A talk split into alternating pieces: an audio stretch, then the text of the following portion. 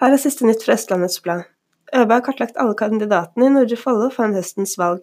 Kartleggingen viser at Dag Andreas Fede i Kristelig Folkeparti er den gjennomsnittlige Nordre Follo-politikeren. Les ordfører på øb.no.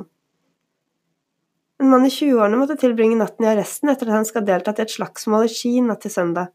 Hendelsesforløpet er uklart, og ytterligere en mann ble bortvist fra sentrum.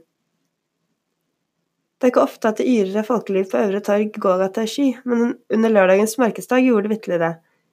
Og i en av de aller mest populære bodene sto en 14-åring fra Kroer i Ås og briljerte med sine tredreide produkter. Klokken tolv søndag åpner utkikkstårnet på Grønløåsen. Vi streamer direkte fra begivenheten.